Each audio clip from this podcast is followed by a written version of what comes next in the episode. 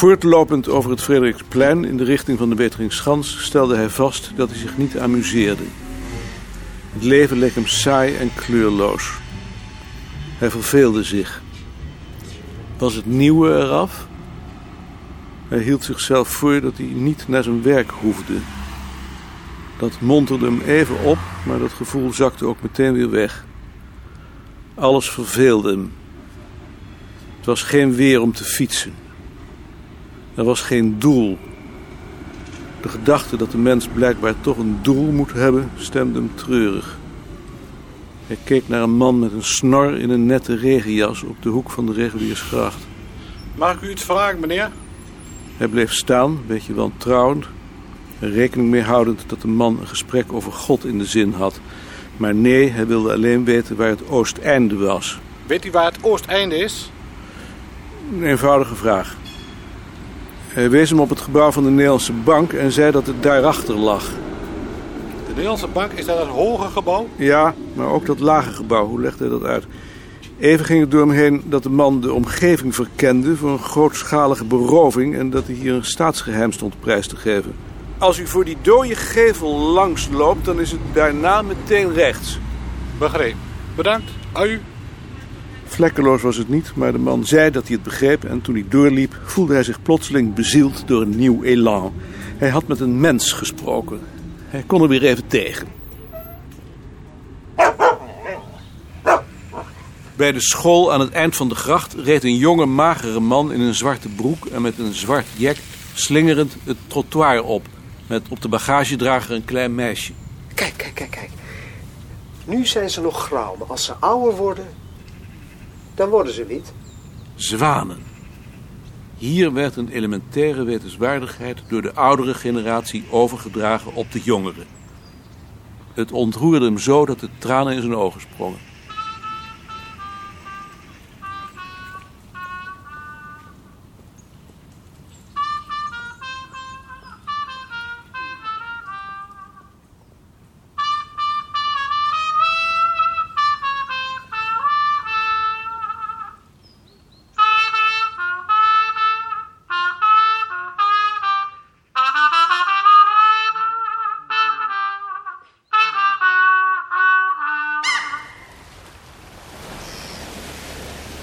Ze liepen door Duin en Kruidberg naar Panassia.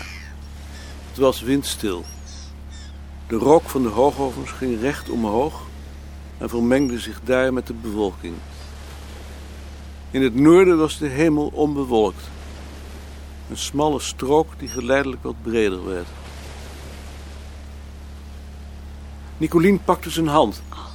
Luister. Het was doodstil. Enkele ogenblikken stonden ze roerloos. Waarna ze weer doorliepen.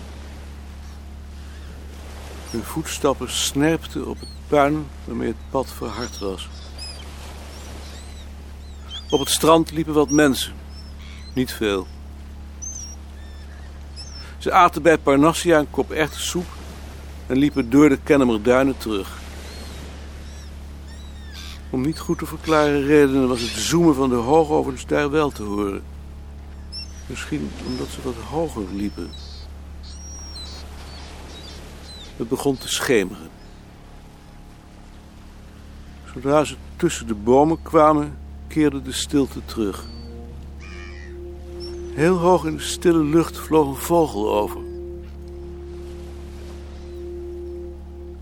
Zie hoe met zacht gerucht een al te late vogel vliet. Wie was het alweer? Van Kloos? De lichten van het station waren al op, maar het was nog niet donker. Naar huis.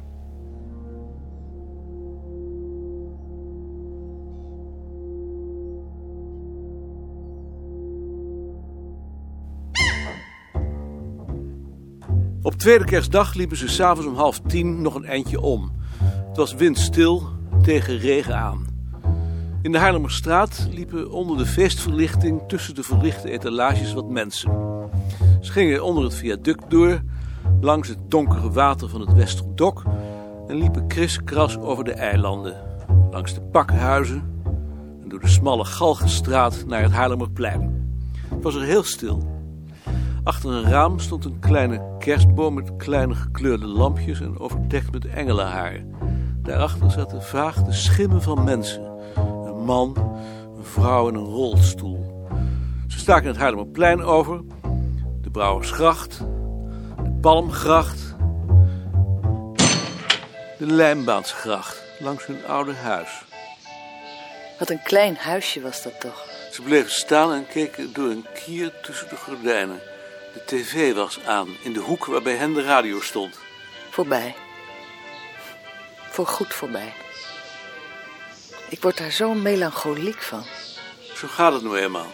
Je moet je daar niet door laten ter neerslaan. Maar ik laat me er wel door ter neerslaan. Ik word er melancholiek van. En het wordt steeds erger. Ik wil er niet melancholiek van worden. Ach, ouderdom. Ik kan er niet tegen. Als je bedenkt hoeveel verwachtingen we toen nog van het leven hadden. En wat is er van overgebleven? Hm. Ik kan er wel om huilen.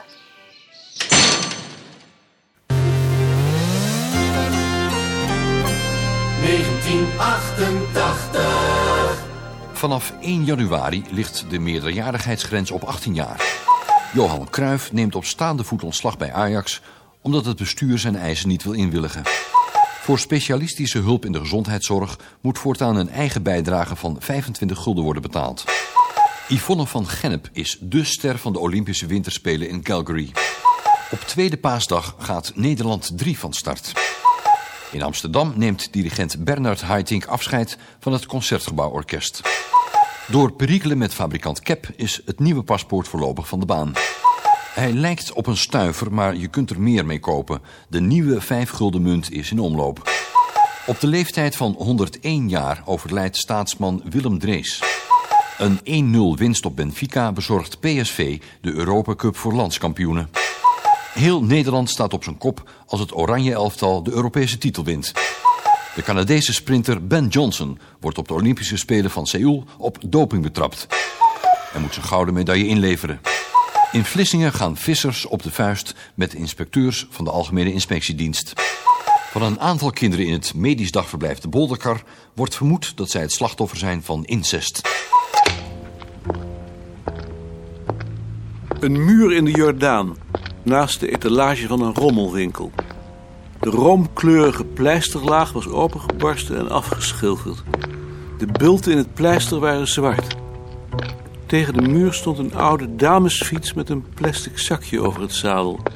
Hij bleef staan en keek naar de muur en de fiets. Vervuld van een onbegrijpelijk geluksgevoel. Buiten was het bijna donker. Hij kocht de krant en liep ermee onder zijn arm de gracht af. Op de brug bleef hij staan. De toren van de Westerkerk stak in het licht van schijnwerpers boven de huizen uit. In de verte gleden door het donker de lichten van auto's over de brug aan het eind van de Leliegracht en daarachter over de brug aan het begin van de Rozengracht. De daken staken scherp af tegen de lichte hemel. Een man liep achter hem langs, daarna een meisje. Het langslopen van mensen terwijl je zelf doodstil staat is een bijna sensueel genot. Dit was het mooiste ogenblik van de dag. Langzaam liep hij de Prinsengracht af en keek in de Angelierstraat. Een donkere sleuf onder een lange rij donkergele lampen en daarboven de nog even oplichtende hemel. In het café op de hoek zat het vol pratende mensen. Hoewel hij er niet bij zat, gaf het hem een gevoel van geborgenheid.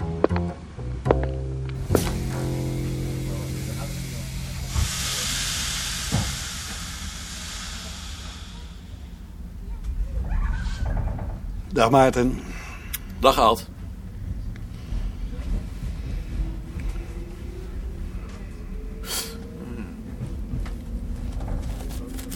Nicolien heeft een knipsel over de bio-industrie voor je meegegeven. Alsjeblieft.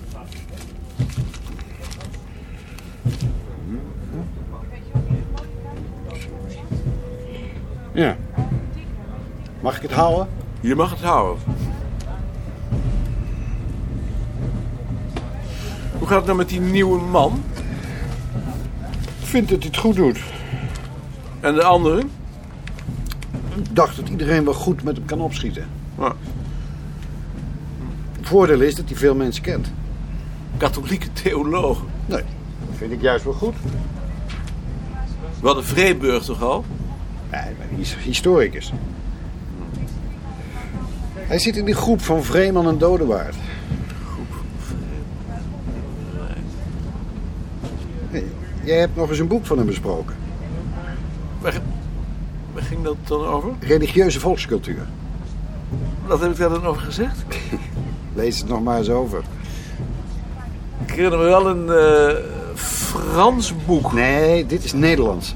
Je hebt er nog een opmerking over gemaakt dat het in het Engels was.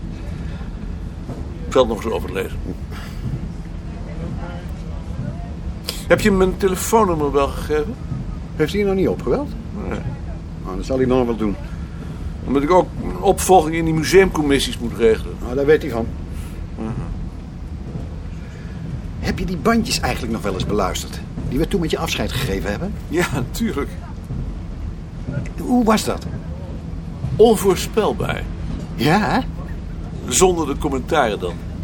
Met de commentaren vond ik het soms heel ontroerend. Ja? Wat vond je dan ontroerend? Bijvoorbeeld? Dat weet ik niet meer. Daarvoor zou ik ze bij me moeten hebben.